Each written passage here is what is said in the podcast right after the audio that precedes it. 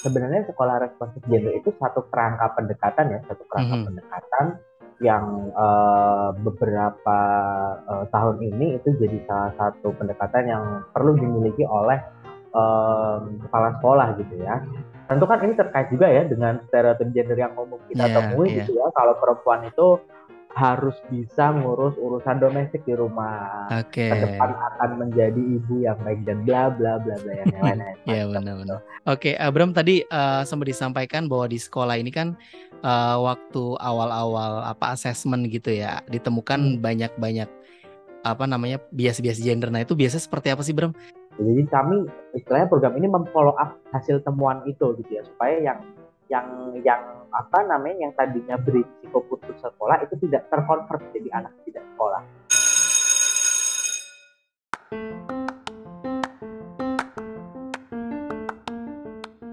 Oke, okay, hai, halo, selamat pagi, selamat malam, selamat sore, selamat apa pun lah ya buat anda listeners. Selamat datang kembali di podcast Capsek, podcastnya Kepala Sekolah punya Inspirasi Foundation. Buat anda yang barusan denger ataupun menyimak gitu ya podcast Capsek itu apa, ini adalah salah satu platform yang dimiliki oleh Inspirasi Foundation. Kalau belum kenal juga Inspirasi itu apa, Inspirasi adalah salah satu organisasi non-profit yang bergerak ataupun fokus pada peningkatan kapasitas kepala sekolah. Nah kali ini kita bakal ngobrol-ngobrol asik lagi, kita kita akan uh, ngangkat topik-topik yang berkaitan dengan kepala sekolah dan kali ini aku nggak sendirian. Oh ya, uh, sebelumnya kenalan dulu uh, buat anda yang mungkin baru pertama kali mendengarkan ya, saya Fahmi saja, eh Fahmi saja, itu nama panggung. nama saya Fahmi uh, di Inspirasi Foundation saya sebagai uh, program manager salah satu orang yang megang project yang ada di Kabupaten Tegal. Nah kali ini saya kedatangan satu rekan saya juga dari Inspirasi. Uh, kita langsung kenalan aja kali ya. Halo Bram. Oke, halo Mas Fahmi, halo uh, listener. Boleh kenalan dong siapa namanya, ya, terus okay. uh, eh, posisinya apa di Inspirasi? Oke, jadi uh, kenalkan aku uh, Bram, uh, aku uh -huh. project officer untuk uh, satu program uh, rintisan yang sedang dikembangkan oleh Inspirasi di Kabupaten Pemalang, yaitu uh, program sekolah responsif gender untuk menangani anak berisiko putus sekolah. Wah, menarik banget ya tentang responsif gender untuk menekan anak uh, putus sekolah itu menangani anak berisiko Oke, okay. uh, eh, anak beresiko putus sekolah ini ada hubungannya dengan kepala sekolah apa nih Bram yang yang menjadi benang merahnya? Karena kalau kita tahu inspirasi ini kan fokusnya ke kepala sekolah ya, tapi kok ada responsif gender, kemudian anak putus sekolah ini gimana Bram bisa jelasin sedikit ya? Oke, okay, jadi uh, sebenarnya sekolah responsif gender itu satu kerangka pendekatan ya, satu kerangka mm -hmm. pendekatan yang uh, beberapa uh, tahun ini itu jadi salah satu pendekatan yang perlu dimiliki oleh uh, kepala sekolah gitu ya hmm. satu pendekatan yang perlu dimiliki oleh kepala sekolah kenapa karena uh, pendekatan itu perspektif itu itu akan membuat sekolah menjadi sebuah lingkungan yang inklusif gitu ya lingkungan hmm. yang inklusif uh, artinya dalam hal ini juga ikut memperhatikan bahwa murid laki-laki dan murid perempuan itu punya kebutuhan yang berbeda uh, Mas hmm. sehingga porsinya sebagai kepala sekolah tentunya bisa melakukan uh, penyesuaian-penyesuaian gitu ya penyesuaian-penyesuaian hmm. baik itu di tataran kebijakan kebijakan yang terkait dengan pengadaan sarana prasarana terus misalnya dalam uh, kegiatan belajar mengajar dan juga yang lainnya gitu ya itu mempertimbangkan itu tadi aspek uh, bahwa laki-laki dan perempuan itu uh, punya kebutuhan yang berbeda dan juga laki-laki dan perempuan itu tumbuh dengan konteks sosial budaya yang berbeda gitu. Nah, hmm. Nah kaitannya itu kaitannya dengan uh, ke, apa namanya kepemimpinan uh, sekolah ya oleh mm -hmm. uh, bapak kepala sekolah gitu. Jadi mungkin mm -hmm. um, apa namanya sebenarnya ini pendekatan yang juga sudah uh, Kemendikbud sudah pernah punya buku pedomannya gitu ya hmm. uh, bagaimana menciptakan sebuah sekolah yang responsif gender mulai hmm. dari aspek sarana prasarana, KBM dan juga hmm. dari aspek relasi lingkungan sosialnya artinya bagaimana sekolah uh, relasinya dengan stakeholder-stakeholder yang lain. Nah hmm. itu kaitannya kalau dengan anak berisiko putus sekolah, nah ini memang uh, apa namanya perlu penggalian secara yang apa ya ini bukan sesuatu yang terlihat begitu saja hubungan antara gender hmm. dengan anak berisiko putus sekolah karena begini faktor eh, faktor-faktor anak berisiko putus sekolah gitu ya itu kerap kali terjadi atau bisa uh, paling gampang dibayangkan gitu tuh kayak uh, fenomena gunung es gitu ya. Jadi okay. yang kelihatan itu hanya puncaknya aja tuh. Kayak hmm. misalnya um, anak bekerja, yeah. terus anak punya di apa namanya uh, double burden atau tanggung jawab ganda gitu ya. Hmm. di rumah maupun di sekolah. Hmm. Terus uh, perilaku anak gitu ya yang mungkin dianggapnya uh, katakanlah menyimpang atau hmm. hal-hal yang lain-lain itu uh, terus apalagi let's say ya ekonomi termasuk juga hmm. uh, terkait dengan pekerjaan gitu ya kalau kita mau telaah hal-hal itu tadi hal-hal yang selalu disebut sebagai sebab anak putus sekolah hmm. itu kalau mau ditelaah mau dielaborasi lagi ada loh misalnya faktor-faktor uh, stereotip dan bias gender yang uh, hmm. yang akhirnya membuat gitu. Hmm, uh, okay. Kayak misalnya nih ya uh, tentang tanggung jawab ganda di rumah dan di sekolah. Hmm, hmm. Itu ditemukan paling banyak di uh, murid perempuan gitu. Nah, hmm. tentu kan ini terkait juga ya dengan stereotip gender yang umum kita yeah, temui yeah. gitu ya. Kalau perempuan itu harus bisa ngurus urusan domestik di rumah. Oke. Okay. Ke depan akan menjadi ibu yang baik dan bla bla bla bla yang lain-lain. Iya benar-benar. Nah, itu kan dianggapnya gitu dianggapnya itu harus mulai dilatih sejak kecil gitu ya sejak dini. Hmm. Nah padahal uh, lupa nih punya kewajiban juga untuk untuk bersekolah. Belajar nah, sekolah. Uh, itu pada perempuan atau mungkin pada laki-laki nih ya. Hmm. Uh, kerap kali gitu ya kalau laki-laki itu kan harus dia uh, dianggap sebagai sosok yang masuk gitu ya sosok yeah. yang masuk senior dan yang lain-lain gitu ya. Uh-huh. Nah di dalam pergaulan gitu kan di dalam pergaulan uh, uh, apa namanya anak laki-laki itu akhirnya muncul dorongan-dorongan itu tadi bahwa hmm. kelaki-lakiannya itu bisa diakuin lewat tindakan-tindakan yang pada akhirnya kalau nggak tersalurkan dengan positif ya tindakan bullying, uh. merendahkan pihak yang lain dan segala macam. Itu sih hmm. jadi kaitannya uh, Mas Fahmi yang yang apa namanya bagaimana uh, kerangka uh, sekolah responsif gender terkait dengan kepemimpinan juga juga uh, bagaimana ini mengantisipasi anak berisiko sekolah. Mm -hmm. Jadi uh, kalau berkaitan dengan kepala sekolah sendiri, artinya responsif gender ini gimana sih sekolah ini memandang gitu ya? Ada fenomena-fenomena seperti itu gitu ya. Tadi uh, tentang masalah-masalah gender kayak gitu ya. Tapi ini uh, masalah gender jadi menarik juga nih uh, buat kita bahas. Barangkali ada juga di antara listeners yang uh, apa ya nggak ngerti secara pasti apa sih gender itu sebenarnya berarti apa nih uh, yang dibahas apakah hal-hal berbau seksualitas kah karena itu juga dekat dengan gender ya uh, atau apa uh, biasanya yang dibahas di sekolah kayak gini Bram? Oke, okay. um, ini aku mungkin akan ngomongin uh, apa namanya dari ketika ini terimplementasi dari dari dari program yang dilakukan inspirasi gitu yeah, kali. Ya. Iya, yeah, betul, betul, bisa. Jadi um, uh, pertama-tama tentu kita uh, apa namanya menyampaikan dulu gitu ya mm-hmm. perbedaan tentang uh, gender dan seksualitas itu penting gitu ya karena mm. itu sering sekali eh, di mana pun ditemui itu masih dua hal yang ser, apa saling bertukar gitu ya mm. tuh uh, jadi salah paham pemaknaannya jadi beda karena kalau seksualitas itu kan sesuatu yang uh, sifatnya biologis gitu ya. yes. biologis memang uh, dari lahir mm-hmm.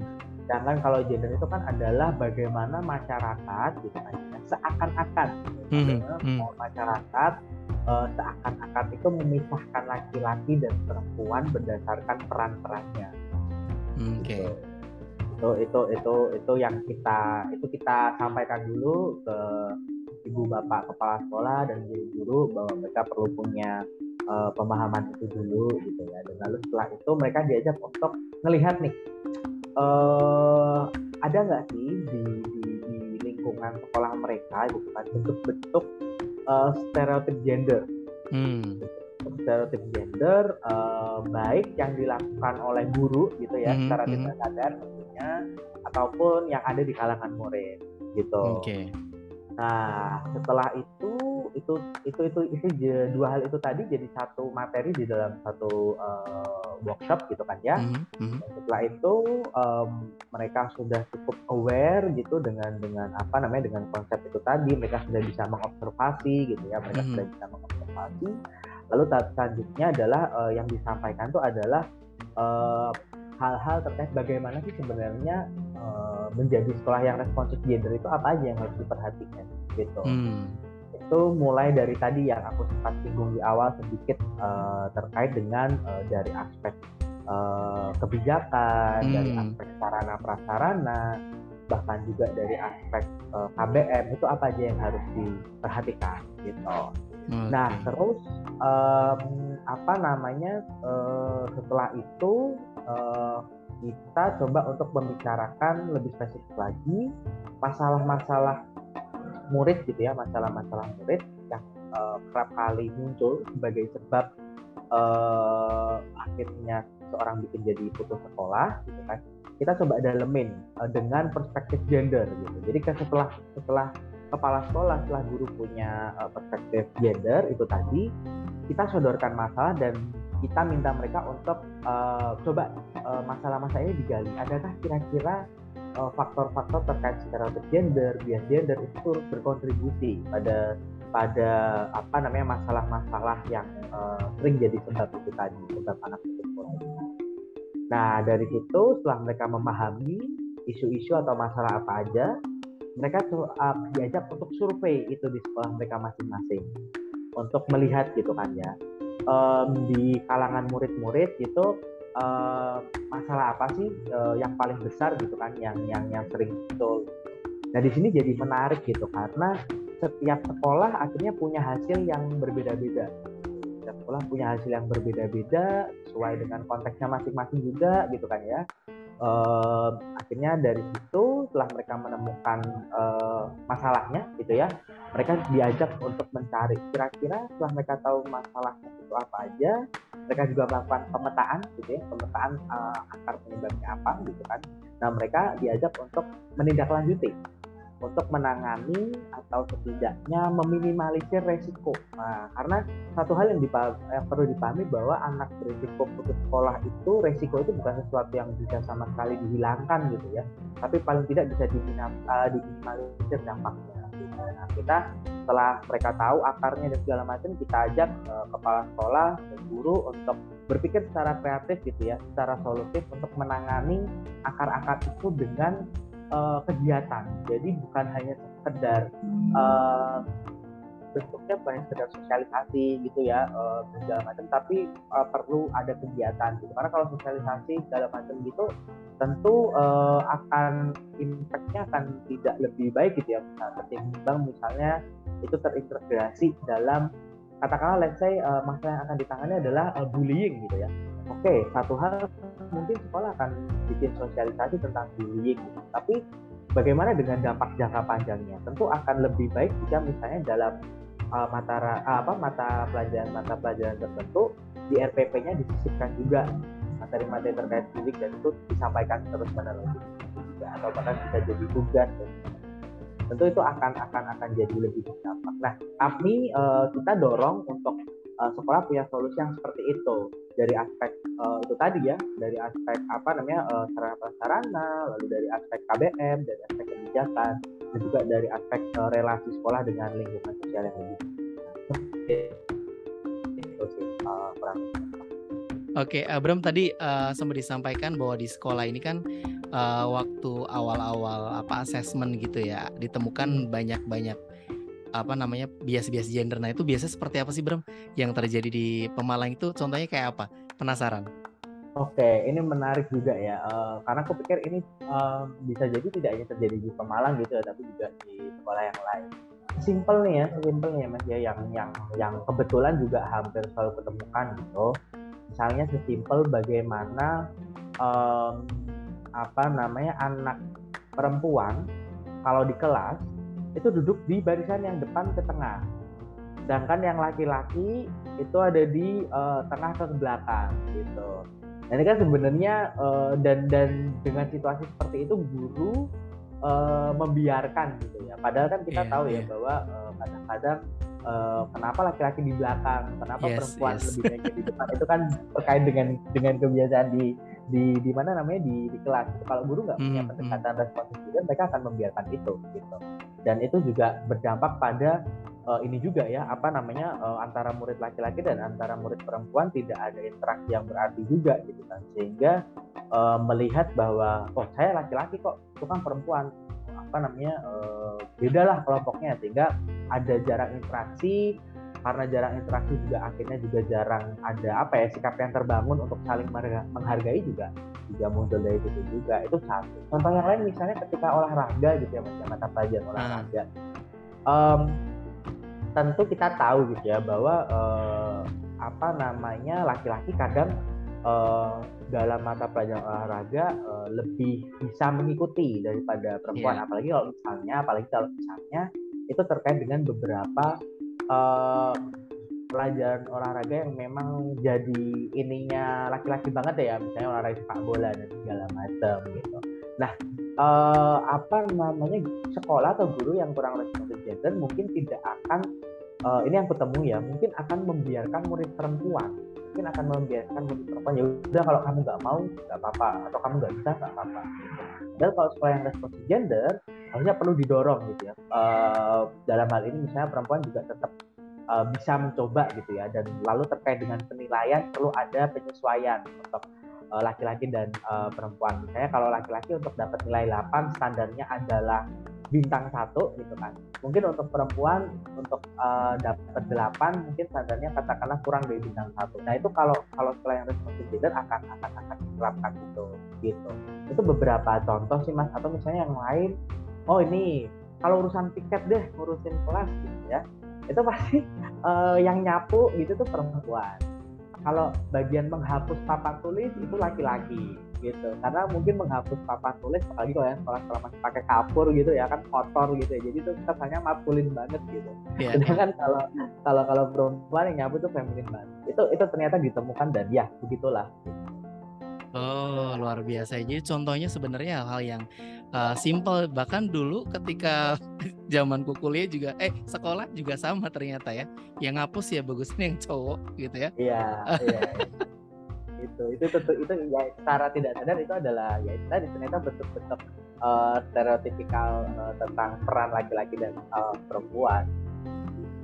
Oke, okay. uh, tapi yang uh, jadi tujuan utamanya sebenarnya apa Bram? Nanti ketika uh, program ini berjalan gitu, hasil akhirnya yang di yang diharapkan itu apa sih sebenarnya?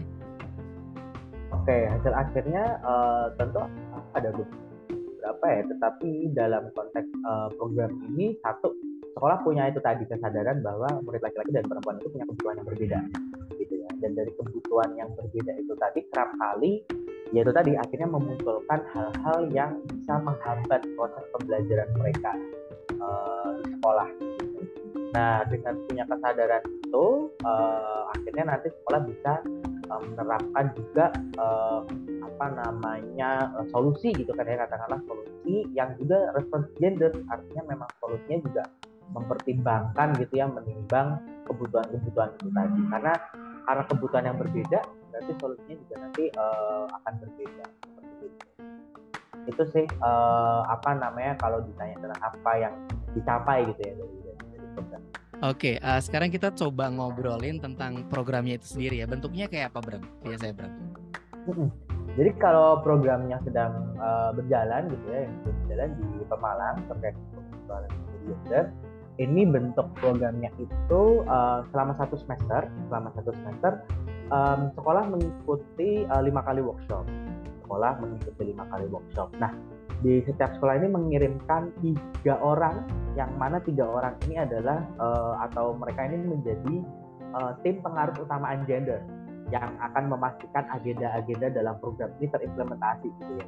Gimana namanya di sekolah masing Nah, lima kali workshop ini diikuti oleh tim PUG dari setiap uh, sekolah. Total kalau kita ngomongin yang ada di Pemalang itu total ada um, 30 sekolah gitu ya 30 sekolah yang mana 30 mhm. sekolah ini uh, 30 sekolah ini diambil dari uh, wilayah-wilayah yang mana sebelumnya uh, UNICEF gitu ya uh, dan Pemkap Malang uh, Pemkap Malang itu udah uh, punya data terkait dengan kasus-kasus uh, uh, anak tidak sekolah dan anak berisiko putus sekolah.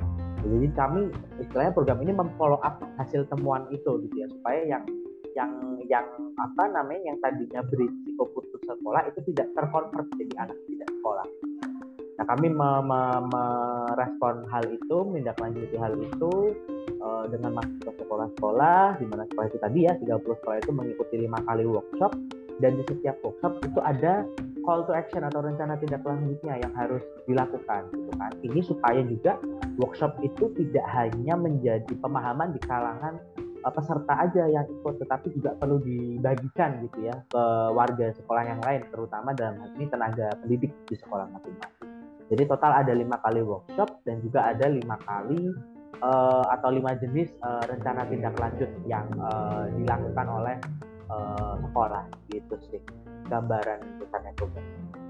Oke, jadi uh, ada kegiatan di dalam kelas tadi ya, workshop, kemudian RTL gitu ya, atau pendampingan gitu ya di lapangan ya. Oke, ya, ini betul, ada pendampingan. Ya. Oke, uh, Bram nanti kita akan lanjutin lagi untuk ngobrol-ngobrol lebih lanjut tentang project responsive gender yang ada di Pemalang. Tapi kita akan jeda break sebentar ya.